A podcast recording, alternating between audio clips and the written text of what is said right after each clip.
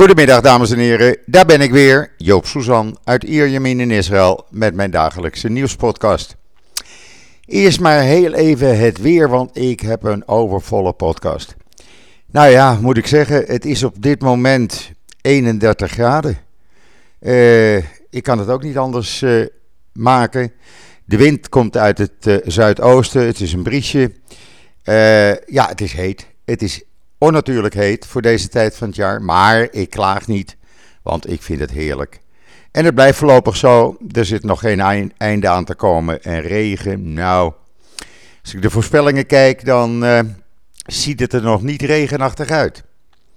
En dan even het nieuws. Maar laat ik eerst zeggen, gisteravond, wat heb ik genoten, mensen. Die start van Max Verstappen in Mexico. Hoe die als derde start, startte en op dat eerste korte rechte stukje uh, langs Hamilton en uh, Bottas ging. Ja, te, laat remde en de pole position niet meer afgaf. Ik vond het genieten.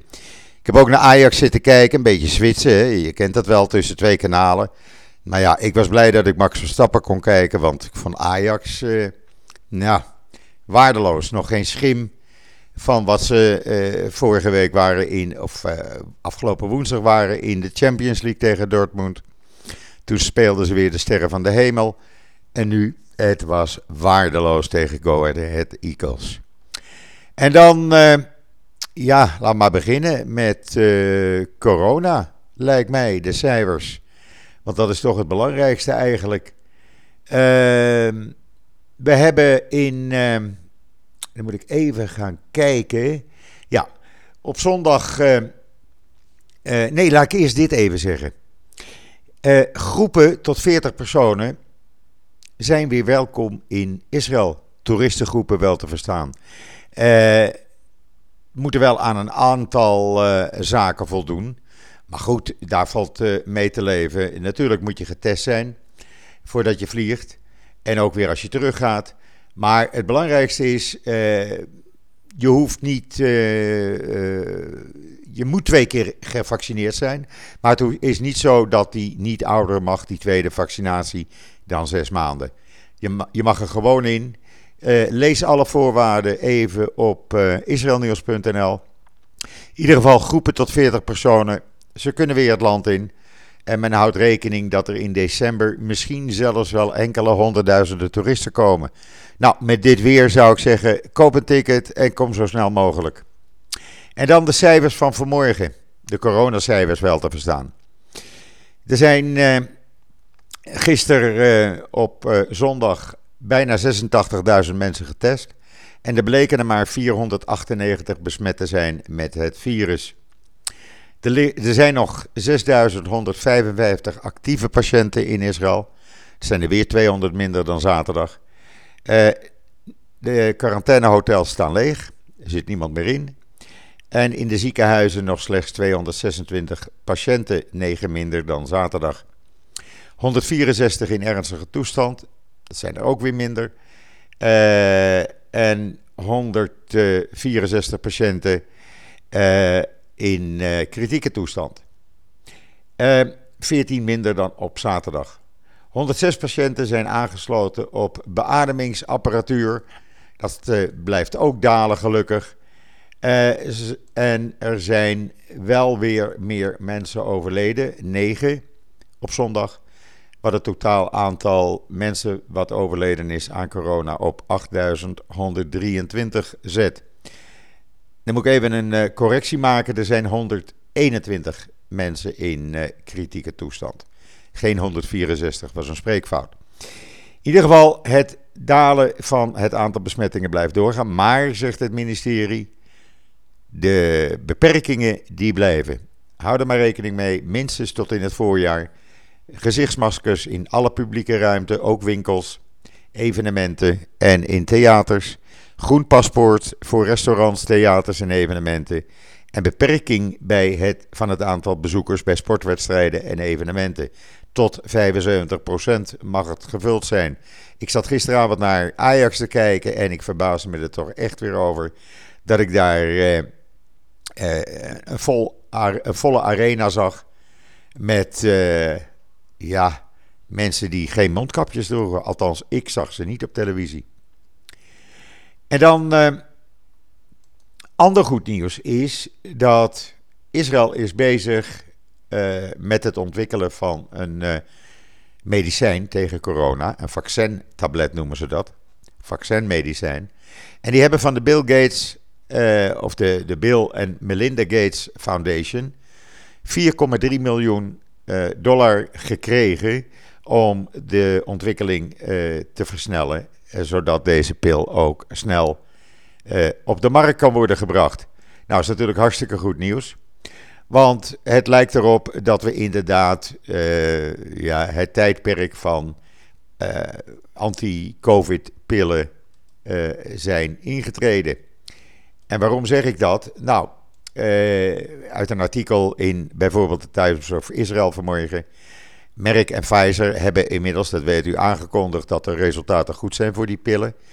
En dat uh, er kan besteld worden. Uh, het beperkt, uh, als je klachten hebt, dan is de kans dat je in het ziekenhuis komt minimaal. Ben je al ernstig ziek, dan ben je gauw weer beter. de kans op overlijden wordt minimaal. Uh, en 90 landen zouden al bezig zijn, in gesprek zijn met uh, Pfizer bijvoorbeeld, om dit te bestellen. Israël heeft gezegd, we doen het nog even niet. We wachten nog even. Uh, maar we kijken eerst eens even alle gegevens door voordat we beslissen. En het mooie is dat de Wereldgezondheidsorganisatie, WHO, gisteren heeft gezegd dat bijvoorbeeld voor de vaccinaties voor kinderen daar wachten zij op de beslissing wat Israël gaat doen. Nou, dat betekent dat Israël dus gidsland is, zelfs voor de WHO. En Israël neemt komende woensdag waarschijnlijk al een beslissing hierover. En dan gisteravond was er eh, ja, belangrijk nieuws. Het staat nu ook in de, alle kranten, Hebreeuws en Engels in Israël. Over de Pfizer boostershot. Uh, bijna 4 miljoen mensen hebben nu in Israël uh, die derde vaccinatie gekregen. En uit uitgelekte data van het Tel Ashomer ziekenhuis, dat is een van de grote ziekenhuizen in Israël, blijkt dat uh, de boostershot minstens voor 9 à 10 maanden beschermt. Goed beschermt. En men gaat ervan uit, daar is men nog mee bezig met het onderzoek, dat dat wel eens een jaar zou kunnen zijn. Dat weten we over twee, drie weken, als dat onderzoek wordt afgerond. Maar het is in ieder geval hartstikke mooi nieuws dat de derde vaccinatie zo lang mensen beschermt. En dan, uh, ja, dan hebben we hier natuurlijk ook van die gekkies die tegen vaccinatie zijn. Ik heb het er al eerder over gehad. Maar die draaien nu ook een beetje door, want uh, de doodsbedreigingen aan bekende uh, gezondheidsexperts, ja, die blijven doorgaan. De directeur van uh, Volksgezondheid staat bijvoorbeeld nu onder uh, bewaking. Ze heeft een security guard, uh, dag en nacht. haar huis wordt bewaakt. haar kinderen worden in de gaten gehouden. Ja, die gekkies, we hebben ze helaas overal. En dan nog even over de Pfizer-pil. een van de bekendste experts in Israël. Ik vind er altijd zo'n leuke, gezellige oma. Kijk maar eens even op mijn uh, Twitter-account. Professor Galia Ragav. Zij is echt uh, fantastisch als expert. En die zegt: Ja, die pillen, hartstikke goed. en we gaan er ook vanuit dat, dat de gegevens van Pfizer juist zijn. Maar het probleem blijft dat mensen die nu tegen het vaccin zijn, die zullen dus ook tegen die pil zijn. Want uh, de meesten zeggen van ja, ach, het virus, het is maar een griepje en uh, het gaat wel weer over. Dus ze zegt het probleem ook bij pillen wordt, hoe kan je die mensen overtuigen? Ja, dat zie ik inderdaad als een probleem. Maar goed, daar zal wel weer een oplossing voor gevonden worden, hopelijk hier. En dan uh, op Israël Nieuws een artikel over het Technion, waar ze ontdekt hebben dat een bepaalde weefseltechnologie uh, diabetes kan genezen. Ze hebben dat uitgetest op uh, muizen en ja, het werkte. Uh, de spiercellen verbeterden, de bloedsuikerspiegel werd bijna normaal. Ja, dat zou fantastisch zijn als dit inderdaad binnenkort echt op de markt zal komen. U kunt het artikel helemaal lezen, want het is een groot artikel. Op israelnieuws.nl natuurlijk. Even een slokje water, want ja, ik heb de ramen dicht en het is warm. Dan weet u precies hoe dat gaat. En dan hebben Israëlische onderzoekers van het Weizmann Instituut uh, een belangrijke ontdekking gedaan over de grote rode vlek van Jupiter. Ze hebben dat ontdekt en doorgezonden aan NASA. En uh, NASA is daar uh, dolblij mee. En dat is een heel project geweest, wat u ook kunt lezen op Israël Nieuws. Want als ik het u ga vertellen, dan gaat u niet meer lezen. En ik vind het zo leuk als u op mijn site komt. En dan gisteren uh, hebben hoge IDF-officieren en Egyptische officieren bij elkaar gezeten en gesproken over de grensdoorgang Rafah. En wat te doen met uh, Hamas. Ja, u ziet, men uh, is bezig met van alles en nog wat. Er zijn geruchten dat er binnenkort een gevangenenruil komt tussen Israël en Hamas. Maar Israël wil eerst een proof of life zien, oftewel de twee gevangen Israëli's. Er zijn ook twee gedode Israëli's uit 2014 uit die oorlog. Maar die twee gevangen Israëli's, leven die nog? Niemand die het weet. Ze zijn uh, geestelijk niet helemaal 100%. En Israël schijnt gezegd te hebben: Oké, uh, misschien willen wij wel een gevangenenruil dan met jullie doen. Maar laat ons eerst maar eens even een bewijs zien dat deze twee nog in leven zijn. En dan vanaf augustus volgend jaar. En u zal zeggen: Ah, dat is augustus, dat is nog veel het duurt nog lang. Nou, voordat je het weet zitten we er. Vanaf augustus volgend jaar mogen contante betalingen in Israël niet hoger zijn dan 6000 shekel. Gebaseerd op de koers van de euro nu is dat 1650 eh, euro. Daarboven mag niet meer contant betaald worden of het moet met speciale toestemming zijn. Er is één uitzondering. Uh, voor de verkoop van uh, tweedehands auto's mag maximaal contant 50.000 shekel, oftewel 13.700 euro's betaald worden. Daarboven mag het niet meer. Dat is goed, want we hebben hier natuurlijk een enorme, uh, hoe noem je dat, grijze markt, zwarte markt, ik zou het niet weten. In ieder geval, dat is goed dat dat nu eindelijk niet meer mag. En dan in het land waar Nederland nog steeds een militaire attaché heeft. Uh, daar is een, uh, een koppel opgehangen. Want die hadden overspel gepleegd. 2021 leven we. Maar Nederland heeft gelukkig daar nog een militaire attaché die dat allemaal in de gaten houdt. Dus maakt u zich niet ongerust. Het land gaat terug naar de middeleeuwen.